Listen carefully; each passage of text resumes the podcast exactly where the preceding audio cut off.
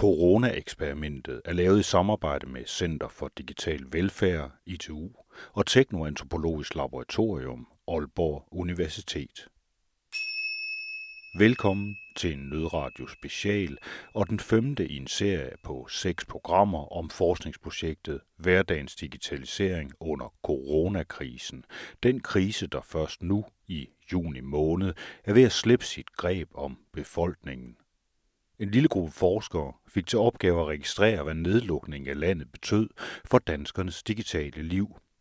De kontaktede borgere via digitale platforme, og de lavede interviews efter manualer.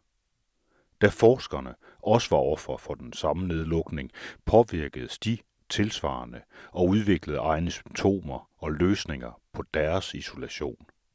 Måske var de selv den centrale del af eksperimentet. I denne femte udsendelse, der går vi ind i cyberspace og taler med forskningsassistenterne Anders Grundtvig og Jonas Jessen, begge teknoantropologer bag hver deres mikrofoner via platformen Teams.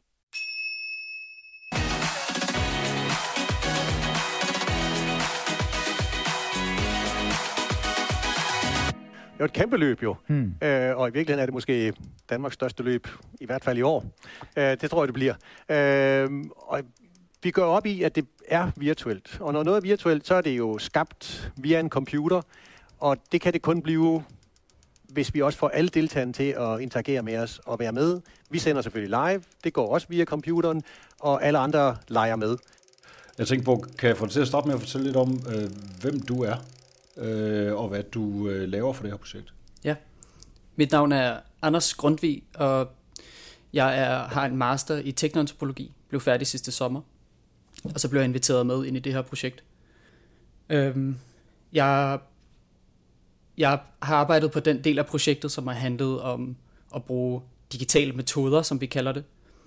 Men grundlæggende handler det ligesom bare om at, at prøve at bruge digitale øh, værktøjer til at at kigge ind i sådan den digitale online verden og se, hvad der foregår, og ligesom, ligesom få et, et, et kighul ind, som man ligesom sådan kan bruge til at, at hive informationer med ud fra. Og ligesom, ligesom udnytte den situation, at der er så mange mennesker, som, som bruger digitale platformer og digitale medier til at komme til udtryk og sige, hvad de mener og hvad de tænker. Og ligesom sådan udnytte den situation til at komme dygt længere ned i folks liv. Hvor befinder du dig hen rent fysisk lige i øjeblikket? Lige nu befinder jeg mig i et rigtig dejligt hus i San Francisco, som har været en, en skør oplevelse at følge hele den her krise, ligesom sådan tosteds. Så jeg sådan hele tiden skulle følge med i, hvordan mine egne omgivelser har været her i San Francisco lokalt. Og samtidig har det været, haft sådan et tæt bånd til Danmark og følge med i, hvordan det har foregået der. Du har simpelthen siddet i San Francisco under hele det her corona, eller Jeg har simpelthen været med i projektet for San Francisco fra starten af. Så de sidste tre måneder har jeg haft nogle rigtig underlige arbejdstider, og især mødetidspunkter midt om natten har været, en, har været interessant, lad os sige det sådan. Og underligt har haft nogle, nogle sjove situationer, hvor jeg blev nødt til at stå op klokken 4 om natten for at sidde og være med til et møde, og så ikke kunne falde i søvn igen bagefter, blev nødt til at gå en lang tur, og så prøve at sove igen, uden at vække min partner alt for meget. Ja, bestemt. Jeg skal lige høre, jeg starter, skal jeg optage øh, også nu, eller hvad tænker du? Det, sy- ja. det synes jeg, du skal. Ja, det aktiverer jeg så lige. To sekunder.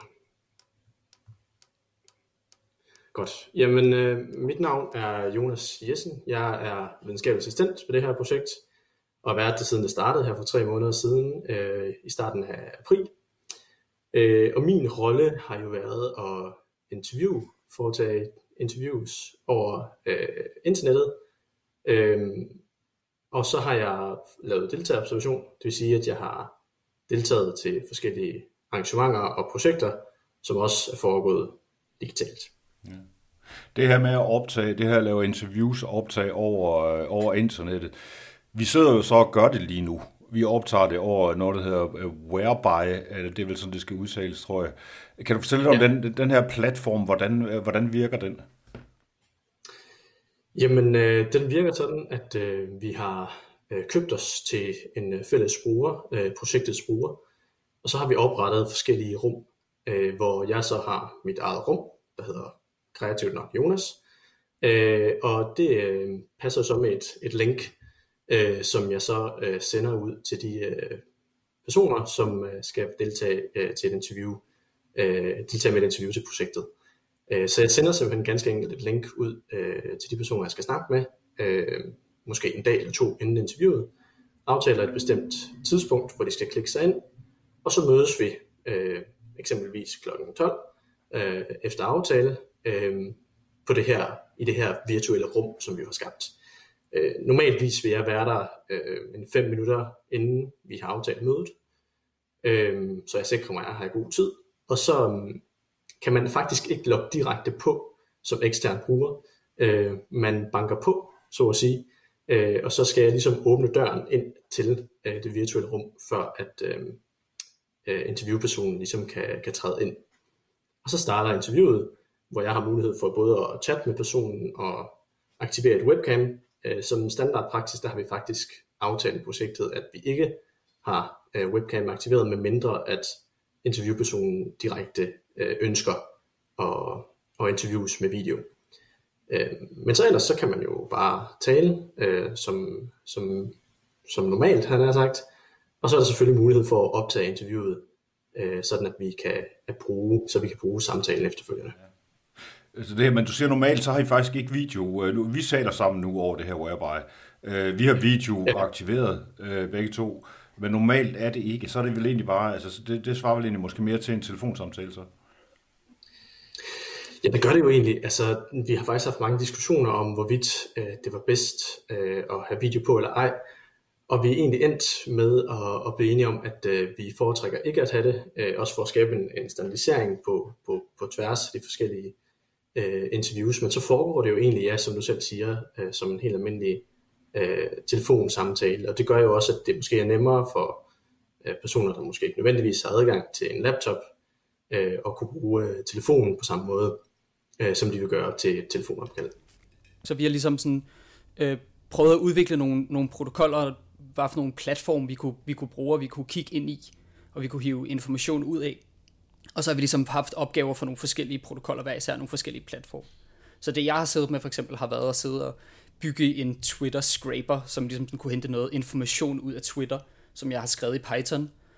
Og så har jeg fået ligesom prøvet at bygge nogle forskellige øh, søgeord, og ligesom prøvet at bygge et datasæt, som er sådan dansk, og som er corona-relateret.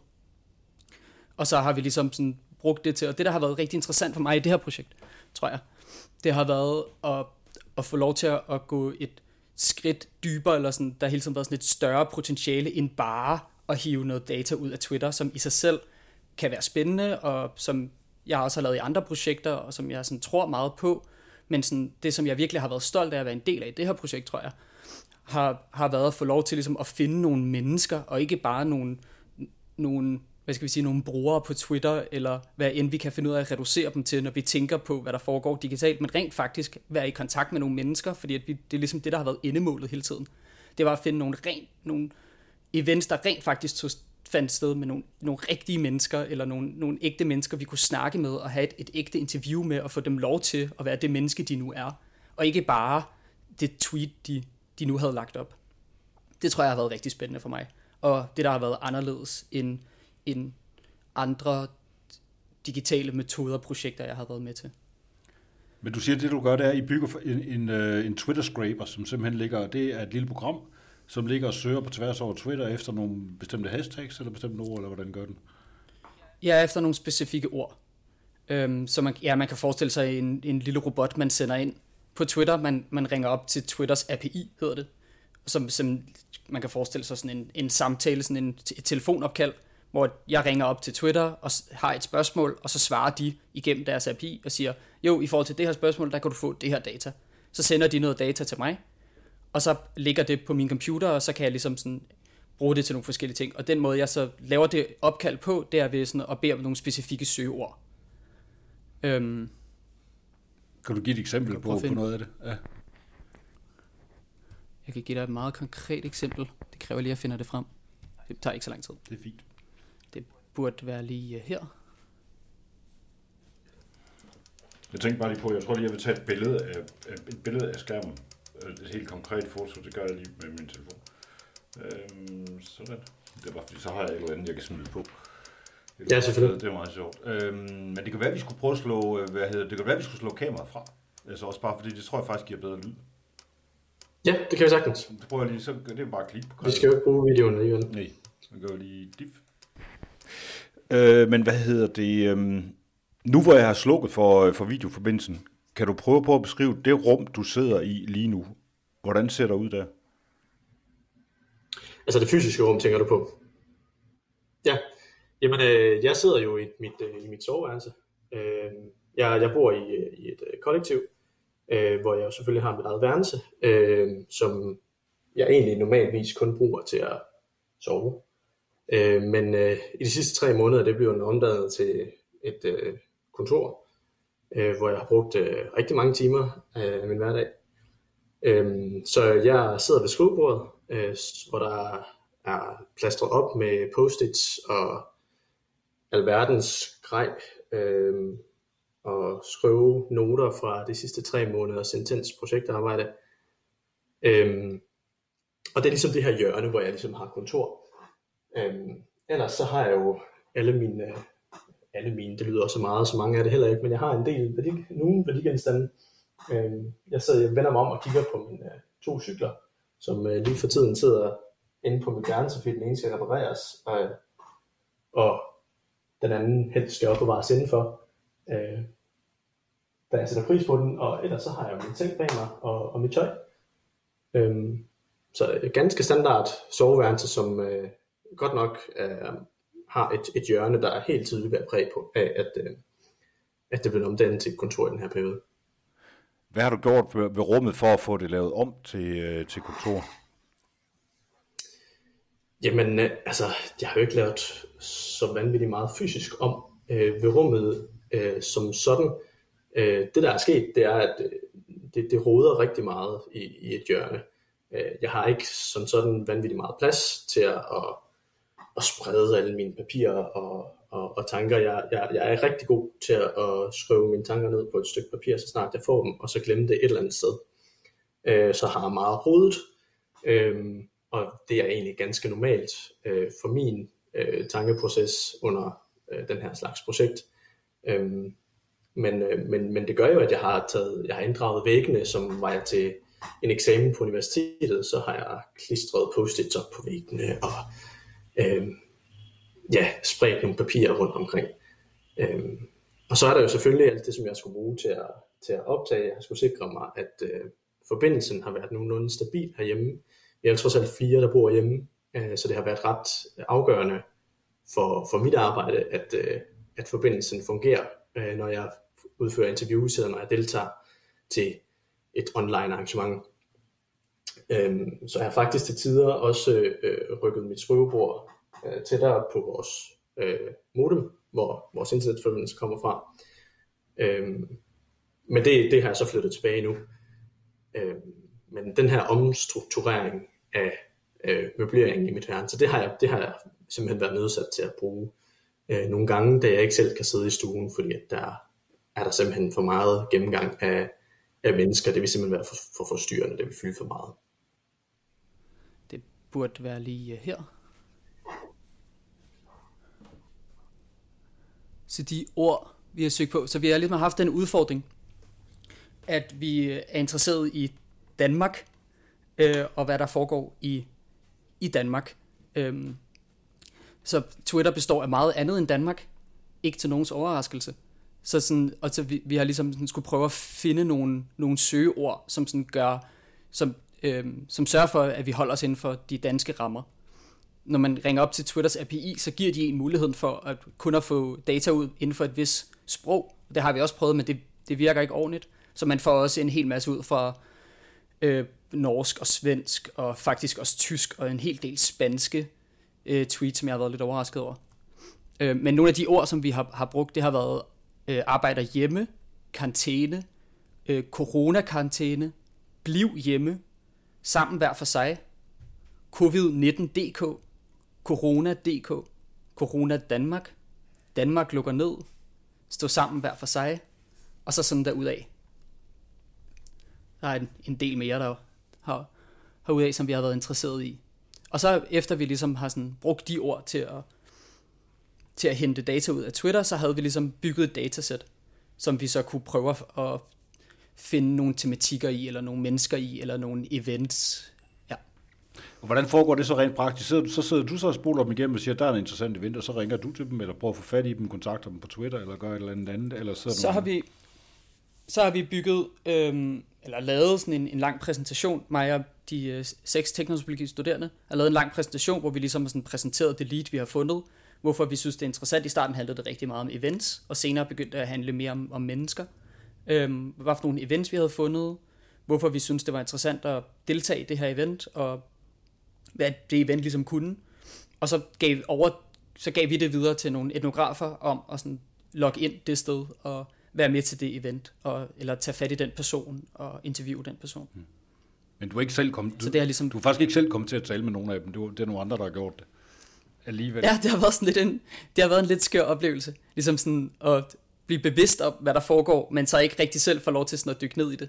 Og det har jeg så fået lov til at, at høre fra, når vi så har holdt møder, hvor vi har snakket om det data, vi så har haft, og senere har jeg brugt rigtig lang tid på at sidde og gå vores materiale igennem, og sidde og strukturere det på nogle forskellige måder, og så har jeg også haft mulighed for at sidde og læse det igennem, som har været utrolig spændende. Og, sådan, og, og virkelig bare sådan, at, at der det også begynder sådan at rykke i mig, kan jeg godt mærke, det, det er der, at projektet begynder at, at kan noget. Det er, når vi, det er sådan den kvalitative del af projektet, det, det er virkelig et unikt projekt, hvad det angår i forhold til digitale metoder. Jeg plejer at sige, at, at, at, at, at jeg, det der driver mig som antropolog er ligesom de her de her forunderlige, fantastiske finurligheder i hverdagen, som man jo jagtager øh, i det fysiske rum, og som jeg er vant til at, og, og også føler mig altså forholdsvis øh, rustet til at, at, at jagtage. Og der, der kan man sige, at de præmisser, de har jo ændret sig fuldstændig. Øh, her er det ligesom nogle, nogle andre øh, digitale øh, jagttagelser, man kan gøre sig, og det har været en, en, en, en stor omvæltning, øh, men, øh, men ikke desto mindre utrolig interessant at, at, at skulle observere, øh, hvordan ligesom chatten går på en, øh, på en Facebook eller en Zoom-begivenhed, eller øh, hvilken kropslighed kan man observere øh, gennem en øh, digital begivenhed. Øh, altså man kan sige, der, der, er, der er jo nogle, øh, som, vi, som vi også sidder og snakker os to her nu, øh, uden video, der, der er der jo øh, altså en, en sanselighed, som, som mangler, altså det visuelle, det mangler. Øh, og man kan sige, at, at, at mangel på den sans, det har gjort, at jeg, at jeg i hvert fald har, har, har følt mig nødsaget til at udvikle en, øh, en fortrolighed til at, at, til at jagtage sproget og stemmeføringen på en helt anden måde, end jeg følte, det var nødvendigt førhen. Så rent metodisk, der har det i hvert fald betydet, at man, skal, man, man har jeg har set mig nødsaget til at fokusere på sproget og stemmeføringen i langt højere grad end før, for eksempel. Hvilke ting gjorde, øh, gjorde indtryk på dig af de mennesker, du snakkede med? Hvad kan du sådan huske, når, sådan, når du lige sidder og tænker tilbage på det nu? Jamen, det er jo svært at, se, at sige sådan helt overordnet, øhm, hvad overraskede mig. Øhm, jeg har tænkt meget over, hvor villige folk faktisk har været til at indgå i det her projekt. Øh, det har været helt tydeligt, at øh, at, at der har været en eller anden rystelse, der har skabt et behov for at, at sætte ord på, hvad der egentlig sker. Så det har jeg egentlig været overrasket over, hvis man skulle kigge sådan overordnet set på, på, på hele projektet. Øhm, altså den villighed, som folk har haft til at faktisk at snakke om det her. Øh, det synes jeg har været ret interessant, og, og på en måde har gjort mit arbejde meget nemmere. Øh, og det er også helt tydeligt, at det har været noget, som, som som folk på, på forskellige måder har, har talt rigtig meget om på forhånd, og har tænkt rigtig meget på. Øhm, så på den måde har det været spændende at, at, kunne, at kunne få nogle informationer, som, som uden at jeg nødvendigvis havde talt med personen før, at de allerede ligesom havde en idé om, øhm, har gjort nogle overvejelser om, øh, hvad, hvad de kunne bidrage med. Det her med, at du siger, at du kunne mærke, at der, der har været, altså, at der er villigheden til at deltage, altså der har været et behov. At, var det simpelthen sådan, at, øhm, at folk de havde et behov for at snakke med nogen?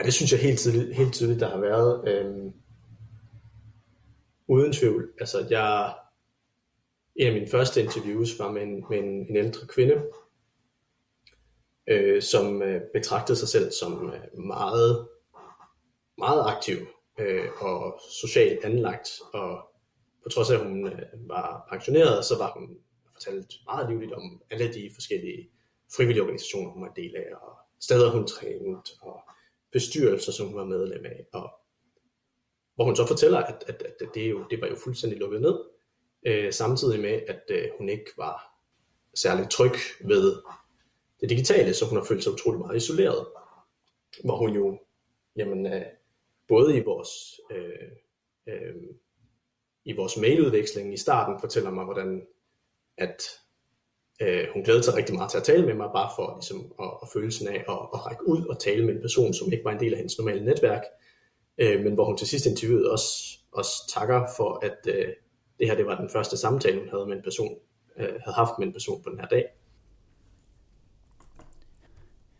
Øhm, måske skal jeg også sige, øh, nævne nogle af de andre protokoller, fordi faktisk igennem Twitter har vi ikke fundet så mange events, som vi havde forestillet os. Så øh, måder den på, de måder, der var mest effektive til at finde events, det var ved sådan at prøve at, øh, hvad skal man sige, omstrukturere Facebook til at, at lede efter events for os, sådan så at vi, vi har lavet sådan en, en systematisk måde at, at søge Facebook events på, sådan så at vi søgte med de, med de samme ord, sådan digitalt eller digitalt og online, og så med en lang liste af forskellige byer i Danmark, alle de, jeg tror vi kommer på de 50 største byer i Danmark, og så søgte på det sammen, sådan, så det handlede hele tiden om at sådan komme ud over vores egne forståelser og vores egen øhm, omgangskreds, og lade os blive overrasket over, hvad der foregår derude. Øhm, så det var ligesom den ene måde, vi gjorde det på. Den anden måde, vi gjorde det på, det var, at som jeg har været med til at stå for os, som, som var, at vi fandt ud af, at øh, lokale nyhedsmedier er faktisk overraskende gode til at fortælle, hvad det er for nogle øh, events, der foregår rundt omkring, som der ikke nødvendigvis opstår på, der ikke lige ligger på Facebook, eller vi ikke lige stødt på. Så vi har også, vi har også bygget en scraper, eller jeg har bygget en scraper, som, som hentede en hel masse lokale nyhedsartikler ud, øh, og også igen med de samme byer, og med de samme søger, med digital og digital og online, for ligesom at prøve at, at finde lokale events. Men jeg kan lige prøve at finde den her et sekund. Rigtig, rigtig,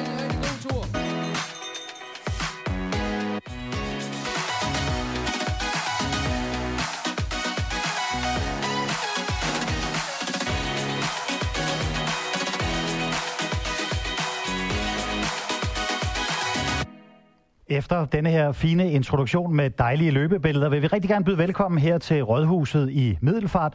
Vi har placeret os i midten af Danmark. Det kan selvfølgelig diskuteres. Der er altid nogen, der har et punkt, der er lidt mere i midten. Men vi synes, det er her, vi er til øh, den store begivenhed, som hedder Danmark Løber, som lige nu bliver større og større. Det vælter ind med deltagere. Vi er over 31.000 lige nu. Ja, altså der, der har jo rørt sig rigtig meget rundt omkring øhm, i det digitale, øhm, og, og jeg har lige kigget lidt mine noter igennem inden øh, den her snak, og jeg har sådan lagt mærke til, at, øh, at der er sådan generelt, hvad skal man sige, man kan godt gruppere de observationer, jeg har gjort, sådan tre større øh, genre, så at sige. Øh, jeg har observeret rigtig mange sportsarrangementer, øh, som er blevet enten virtuelle eller digitale. Øh, deriblandt øh, har jeg deltaget til et øh, større øh, motionsløbsarrangement, øh, der øh, blev i tale sat helt fra starten af som Danmarks første og største øh, virtuelle løb. Øhm, og det har været, det har været faktisk meget øh, interessant. Øh, derudover har jeg... Jeg er nødt til at lige spørge til det virtuelle løb og sige, hvordan laver man et virtuelt motionsløb? Jamen det undrede jeg nemlig også om, øh, da, da jeg hørte om arrangementet først. Men, øh, men grundlæggende så øh, er det øh, syv af de største løbsarrangører, motionsløbsarrangører i, øh, i Danmark, som øh, umiddelbart efter øh, nedlukningen øh, holder et, øh, et møde, øh, hvad skal man sige, lidt krisemøde, fordi de jo som sådan alle sammen er i samme øh, svære situation, hvor at øh, de undrer sig over, hvordan i alverden man skal øh, drive et motionløbs øh, organisation, når man ikke kan mødes mere end 10 mennesker, eller hvor mange det var i det, på det tidspunkt. Øhm, hvor de så finder ud af, at øh, siden alle de større arrangementer, maraton og halvmaraton og hvad det nu skulle være i løbet af sommeren, bliver aflyst, at de kunne slå sig sammen og arrangere det her virtuelle løb, som de kalder Danmark løber. Øhm, og i praksis fungerer det sådan, at øhm, der bliver øh, åbent en tilmelding øh, til et motionsløb, som, som svarer til, til hvert andet motionsløb, øh, med den forskel, at øh, tilmeldingen står åben indtil få minutter før løbstart, øh, og deltagelsen er gratis. Og øh, jeg tilmeldte mig selv, øh, hvor jeg så fik øh, udsendt et øh, startnummer, øh, som man ligesom kan printe ud selv og klistre på brystkassen på, på, øh, på en trøje. Øh, og så blev vi øh, simpelthen opfordret til at iklæde os øh, rødt og hvidt tøj. Og så var der jo et løbsstudie, som blev sendt øh, live på, på Facebook, øh, hvor der var nogle øh, personer, der kommenterede øh, og introducerede os til løbet øh, en time før løbstart, som var sat til kl. 11. Og så er der jo nedtælling øh, til løbstart, hvor de sender fra forskellige steder i landet. Og så kl. 11 øh, bliver man simpelthen opfordret til at løbe ud i en øh, selvvalgt rute, som skulle være på enten 5 eller 10 km. Og der kunne man jo som løber løbe hvor som helst, bare på samme tidspunkt, og med den bevidsthed om, at resten af Danmark, eller de øvrige løbere øh, rundt omkring i landet, ligesom også venter til på den her nedtælling fra 10 til 0, øh, og, og når startskuddet lyder, øh, løber ud øh, på en selvvalgt rute. Øh, og der var jo så mange deltagere, at, øh, at, at man kunne jo møde andre løbere derude, som man jo så kunne genkende, øh, fordi at de havde rødt og hvidt tøj på, og et startnummer på brystet. Og øh, hvis vi kan få kameraet til at dreje en lille bitte smule over, så har vi vores øh, tre søde piger, der sidder derovre, Mette Munk og Christina Olsen og Mette Ilmose. Og de styrer henholdsvis øh, alle de sociale medier. Og så har vi i midten Christina, som øh, prøver at være tv-producer på det her program øh, og får slagets gang til at køre. Og så har vi Mette, der sidder helt yderst, som øh, ringer op, for vi sætter jo igennem til hele Danmark, hmm. øh, hvor vi har fundet diverse løbere, som er med. Så, så vi gør virkelig noget ud af, når vi mener det virtuelt, så mener vi det virtuelt. Øhm, og så blev der jo selvfølgelig sendt for den her øh, Facebook Live begivenhed igennem hele forløbet, øh, og der var forskellige borgmestre og kendisser, der blev interviewet, øh, og på den måde øh, skabte man så den her virtuelle øh, stemning, på trods af, at man jo godt nok løb øh, var ude at løbe fysisk øh, ude i byerne i Danmark. Øh, men, øh, men deltagerne blev også opfordret til at indsende øh, billeder og videoer, både fra ruten, fra starten, og men også fra deres ankomst øh, igennem en målstreg. Vi blev faktisk opfordret til at selv at tegne en målstreg øh, ved ankomsten og sende en, øh, en øh, ankomstvideo eller billede eller et billede af vores tider. Det, som også er spændende ved det her, det er, at øh, øh normalt ved et motionsløb, så er der selvfølgelig også en rangliste om, hvem der kommer først og hvem der kommer sidst. Og, og så vanligvis vil der også være præmier øh, for vinderne øh, for de bedste tider. Øh, men det blev jo talt fra starten af, at øh, der er jo forskellige forhold forskellige steder i landet, og det var jo et eller andet sted også meget nemt at snyde, hvis det var det, man havde øh, intention om. Øhm, så der blev faktisk øh, givet præmier ud til de bedste billeder og de bedste videoer øh, på ruten. Øh, så folk benyttede sig flittigt af opfordringen øh, for at, ligesom at tage billeder af sig selv og dokumentere deres deltagelse til løbet. Jeg hedder Morten Dam Sørensen, og jeg er normal speaker i København til øh, Spartas løb. Det kunne være Royal Run, det kunne være Copenhagen Marathon, eller det kunne være CPH Half. Nu øh, så vi jo lige billeder af verdensrekorden derfra sidste år, sat af Jeffrey Kambora. Så kan jeg prøve at finde nogle events til dig. Jeg har nemlig den her præsentation af alle vores leads. Du må også gerne se, hvordan det ser ud, hvis du har lyst. Der er for eksempel et, et event her, som jeg synes var rigtig sjovt, og som, øh, nu skal jeg passe på, om jeg ikke træder nogen over tæerne, men som jeg personligt ikke forstår, at der er nogen, der har deltaget i, men som jeg synes er utrolig fascinerende, at folk har gjort alligevel. Jeg, jeg er virkelig fascineret over at hvor mange mennesker, der har brugt den her mulighed for at, at rent faktisk at gøre nogle ting, som de ikke normalt vil gøre. Altså hvem sidder og ser golf, hvor der er nogle professionelle golfspillere, der, der spiller, altså de spiller et eller andet form for øh, virtuel golf. Så de, de står ikke engang på en rigtig golfbane. De, ja. Og så er der nogle mennesker, der sidder og ser dem spille. Det synes jeg er dybt fascinerende. Øhm, men der har været en masse forskellige møder, og der har været en masse forskellige former for yoga, og vi har set rigtig meget af ginsmagning, og vinsmagning, og ølsmagning, og nogle af de interessante var nogle af de tidlige også med gudstjenester. Øh, digitale gudstjenester. Den er meget, meget tom, og den kirke der, kan jeg se. Den er nemlig ekstremt tom. Der står en organist eller en, der spiller klaver, og så en, en præst eller en gudstjener eller et eller andet, der er derude, og det er, hvad, hvad man kan se på det billede derfra. Præcis. Og så kan man ligesom se, at det foregår på Facebook, og så er der nogle forskellige folk i livestreamet, der, der sidder og skriver sammen. Jamen, jeg har jo min, min, min sædvanlige 5 km rute. Øh, jeg bor i Aarhus, øh, og, og jeg løber ofte, som nok de fleste løber, motionsløber det, det samme sted. Øh, eller jeg har to-tre forskellige ruter, og jeg tog min sædvanlige 5 km rute. Øh, jeg havde egentlig ikke nogen intention om, at jeg egentlig selv skulle ud og løbe, øh, fordi jeg ligesom skulle øh, øh, observere og være på arbejde, men, øh, men jeg blev simpelthen grebet af stemningen. Altså, øh, der blev sendt for forskellige steder i landet, og fælles opvarmning fra, fra Uden eller Middelfart, tror jeg det var. Øh, løbstarteren var fra, fra Aalborg, øh, hvor, at, hvor at der også blev filmet fra, fra nedtællingen.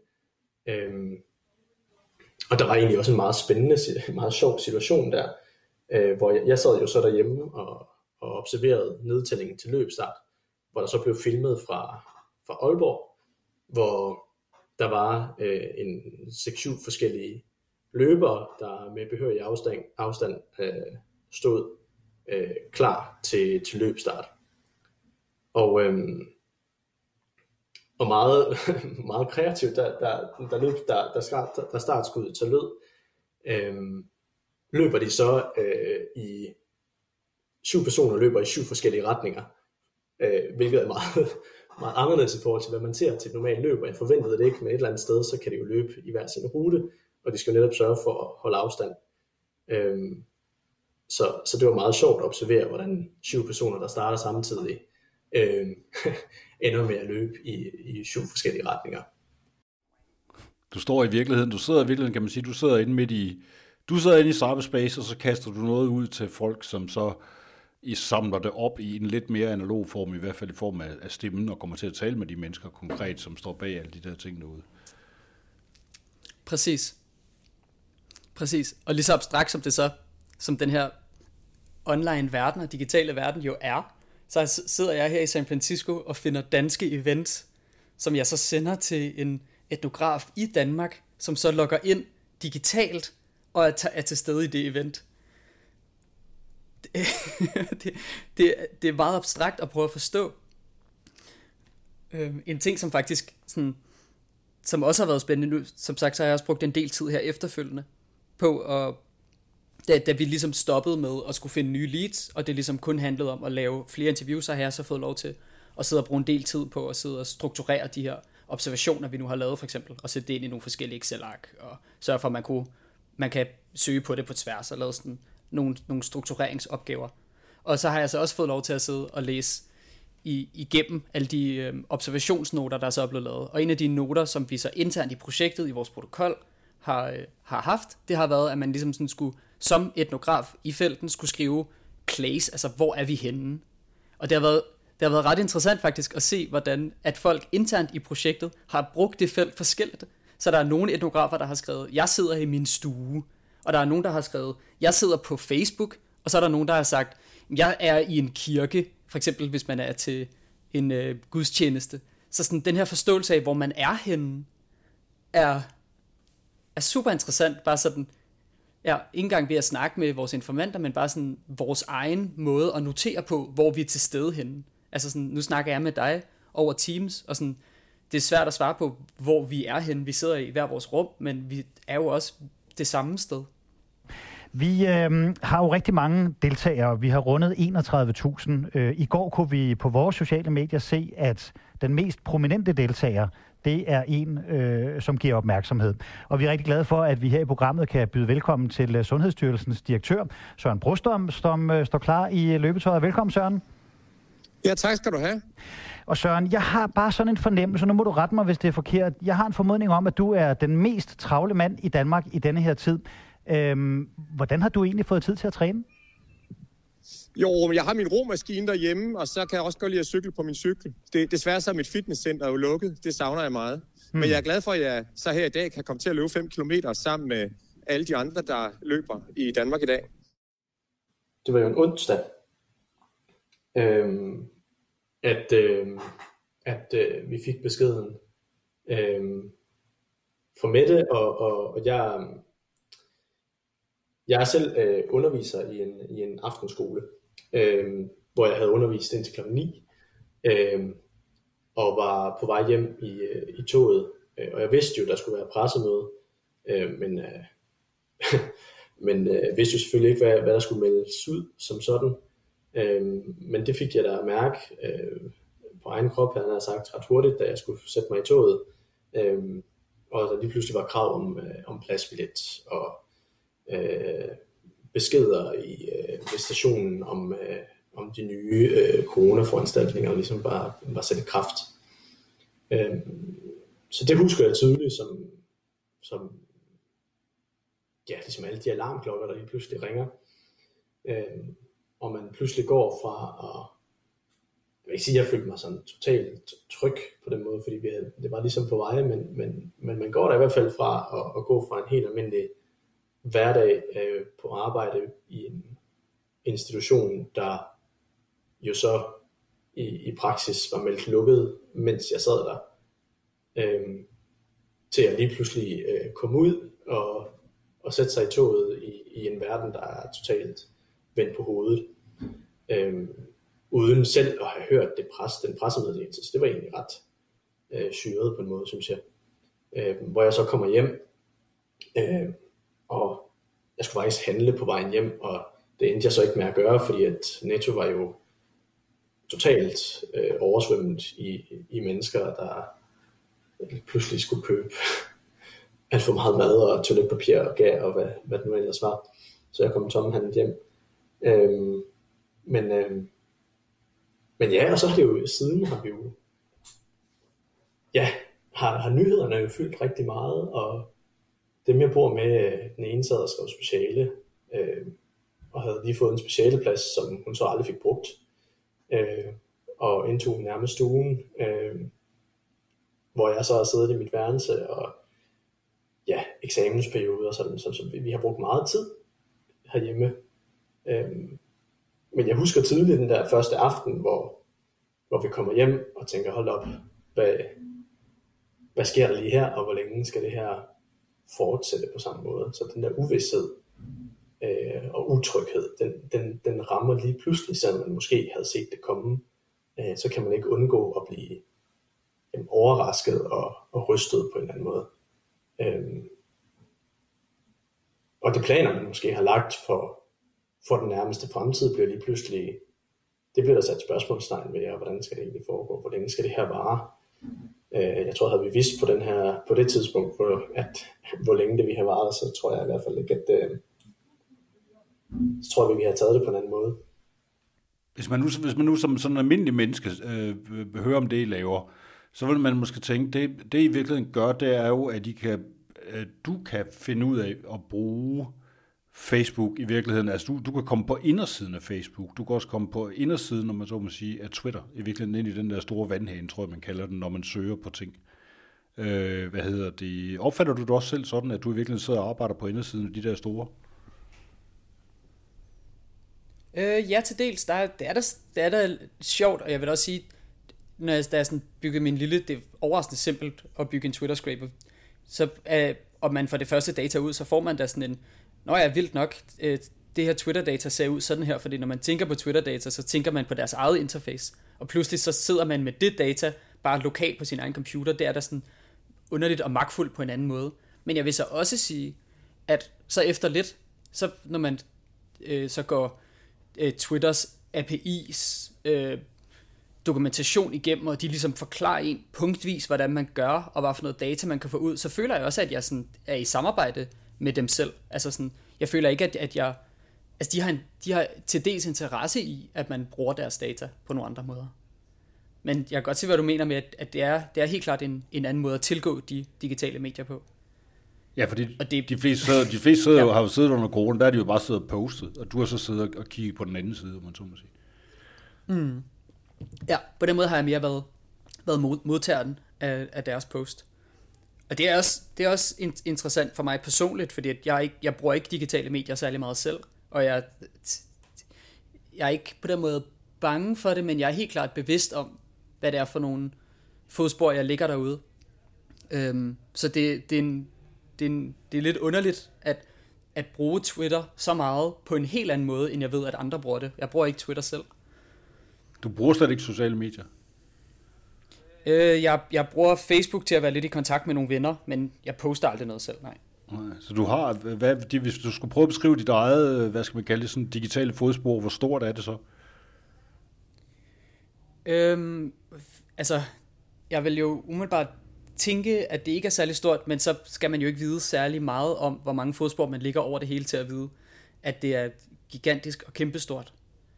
Øhm, og og jeg, jeg bruger også en Gmail, øhm, og jeg bruger Google-produkter, øh, øh, fordi jeg er imponeret over, hvad det er for nogle produkter, de giver mig, og hvad for nogle muligheder, de giver mig. Øhm, ja. Men Facebook og Twitter, nej. Ikke, ikke på den måde, som de godt kunne tænke sig, at jeg brugte det på, nej. nej. Og du har heller ikke nogen TikTok-konto, eller Instagram, eller et eller andet andet, halløjse?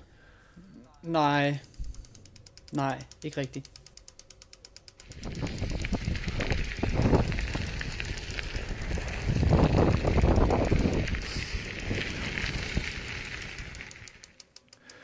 Du siger, du har, du har to cykler stående inde i dit, øh, på dit værelse. Ja. Hvad er det for nogle cykler? det, her, det, det er en, øh, en, en øh, landevejscykel og en bycykel. Øhm, og øhm, det er jo også en... Øh, så apropos hvordan corona har påvirket min, øh, min hverdag, jeg tror, at øh, jeg aldrig, jeg tror aldrig, jeg har shoppet så meget grej øh, over internettet, som jeg har her på det sidste. Øh, men det er som om, at jeg på en eller anden måde, øh, så at sige, ruster op til bedre dage, øh, for at købt alle de frilufts- og cykeludstyr, som jeg egentlig et eller andet sted altid har drømt om at eje, Øh, men nu har jeg tid til at, at finde det frem og få det købt, og jeg har en uanet mængder, måske ikke tid, men i hvert fald lyst til at komme ud og, og rejse og opleve verden derude. Øh, så, så, så cyklerne er nærmest trykket ind, fordi jeg sidder og piller ved dem hele tiden og truer, og om det kunne også være, at jeg snart skulle have et nyt dæk, eller et nyt ny sadel, og så bruger man lidt tid på det, så, så de, de har stået herinde, øh, ikke fordi jeg ikke har brugt den udenfor, men, øh, men, øh, men de, har, de har da fået lov til at blive pusset og plejet i, i den grad i den her periode. Hvad cyklede du også, mens øh, der var lockdown? Ja, det, det, var, det, var, det var simpelthen mit, mit escape. Øh, jeg har altid været, øh, det har altid betydet meget for mig at kunne komme ud i naturen, så jeg har som, som altid gjort det. Men, øh, men det er helt klart stedet i den her periode, fordi at jeg jo ikke har kunnet mødes med, med venner, familie og bekendte, hvad det nu skulle være. Øh, så, så når jeg ikke kunne tage ud og drikke en kop kaffe og en øl på, på en café, jamen så var det fuldstændig oplagt at, at skynde sig ud fra byen øh, og, og sidde i en skov med trængt jeg sætter og lave noget mad. Øh, og så komme hjem igen, især nu, hvor det har været godt vejr. Øh, så det har jeg brugt rigtig meget tid på, det har vi synes også gjort øh, i kollektivet sammen. Øh, når vi jo ligesom var en husstand, så har vi jo brugt meget tid sammen på den måde. Øh, men en sjov øh, sådan detalje til den historie, det er, at øh, jeg, har, jeg har familie i Italien, øh, hvor min far kommer fra. Og, og der det, har det jo været en helt andre øh, ja, sådan, hvad skal man sige, livsvilkår, som de har levet under, de har netop ikke kunne komme ud på den måde. De har været totalt lukket inde. Øhm, og jeg har mange venner dernede også, øhm, som jo, når jeg fortæller, at jeg tager ud og cykler, jo har, har dømt mig, eller jeg føler i hvert fald, at de har dømt mig utrolig meget på, på de her ture, øh, og, og måske også, jeg vil ikke sige misundelige, men, men de har i hvert fald længes efter at kunne gøre noget lignende.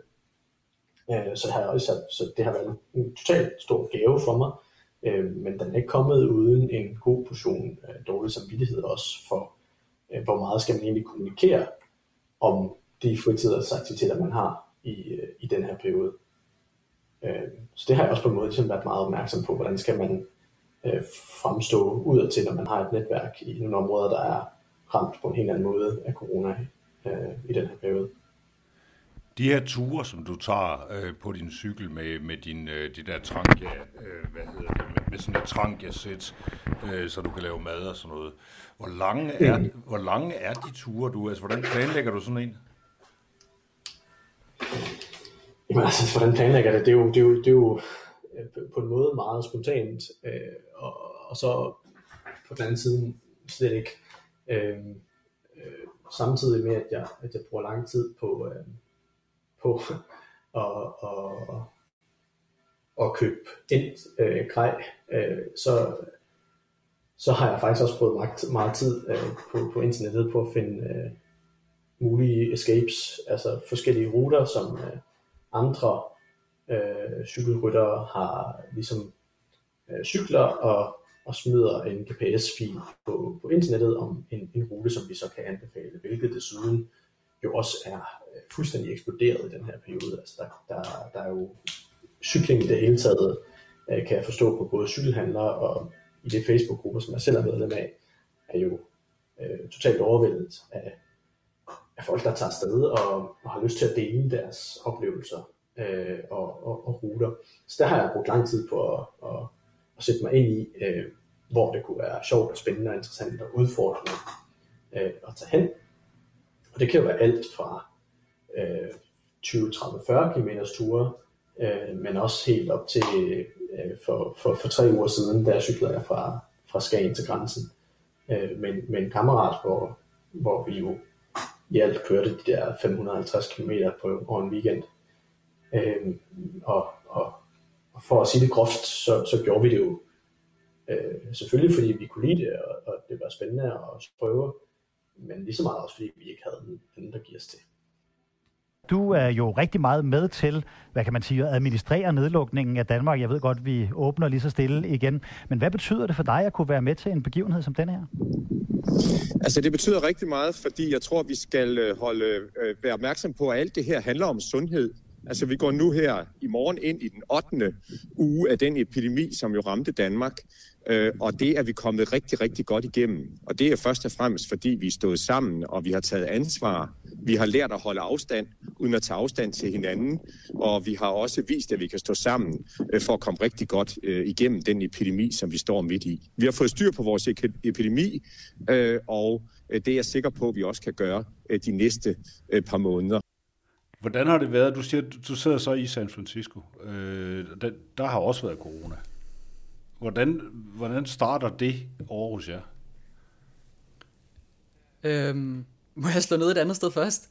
Som er super interessant, når jeg snakker med danskere, som også er den formulering, du kommer med her, med at der har jo også været.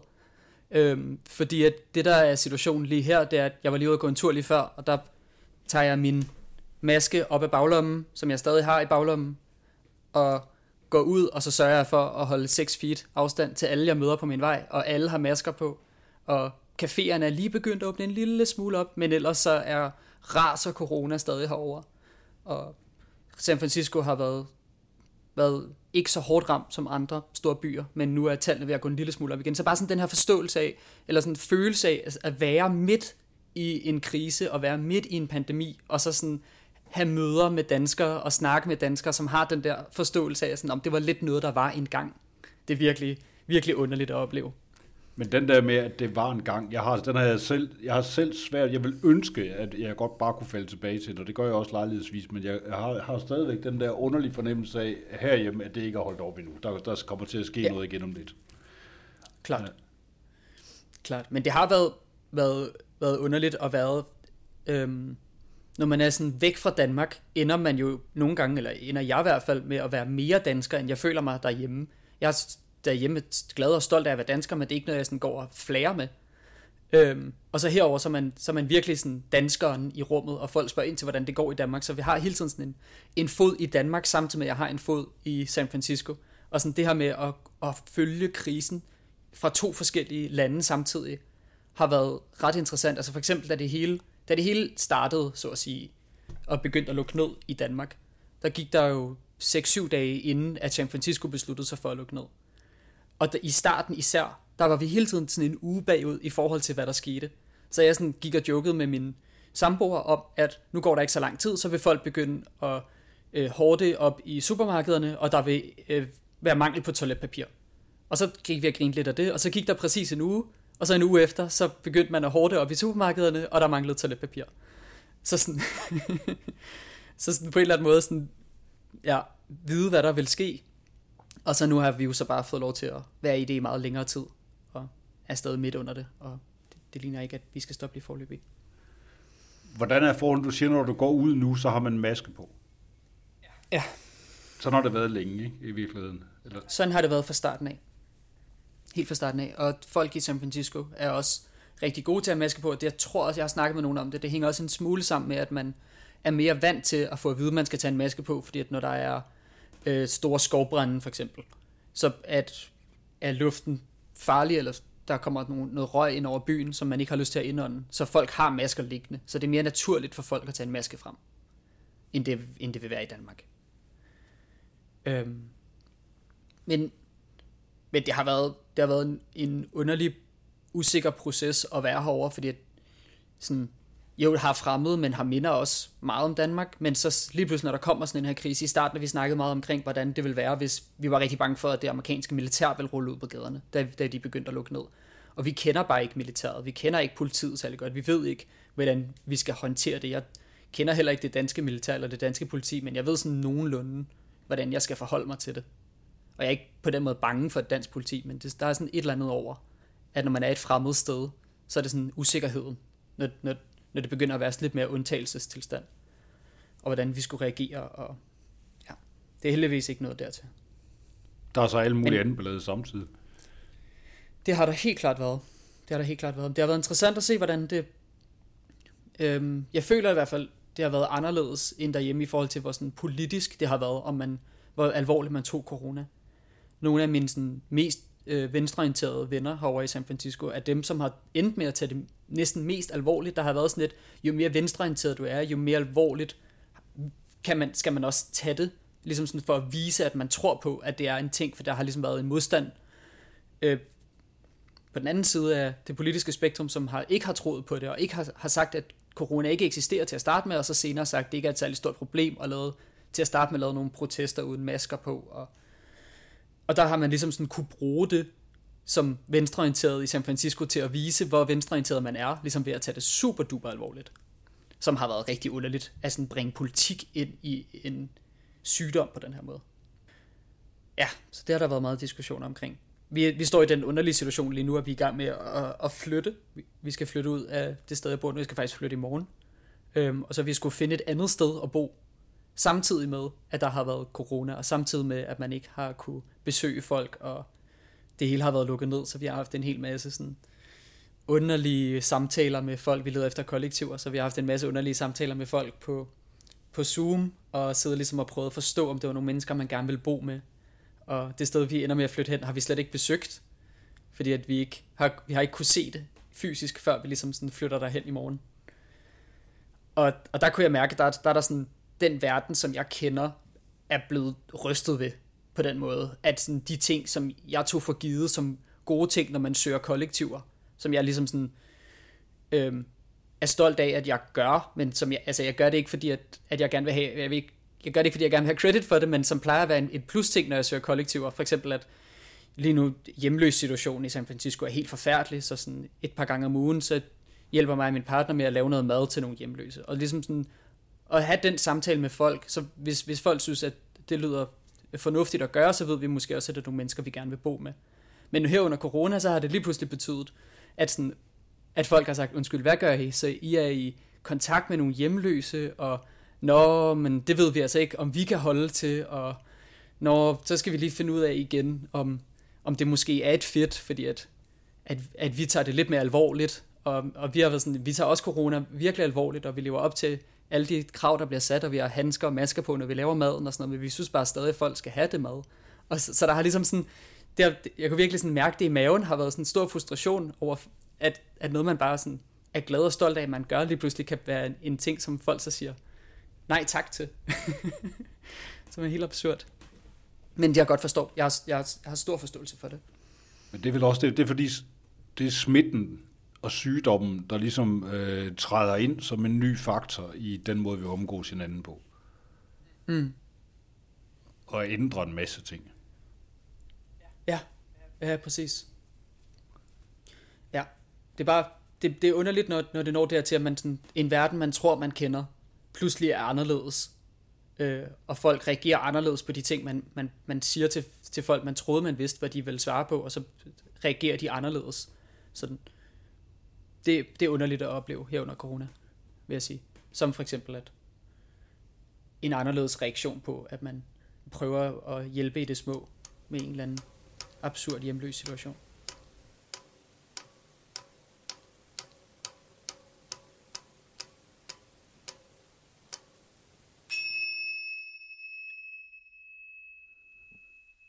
Du har lyttet til Corona-eksperimentet, en nødradiospecial i seks dele. I denne femte del medvirkede forskningsassistenterne Anders Grundtvig og Jonas Jessen, begge teknoantropologer. Udsendelsen var optaget over online-platformen Teams. Serien er produceret af Anders Kjærulf i samarbejde med Center for Digital Velfærd, ITU, og Teknoantropologisk Laboratorium, Aalborg Universitet.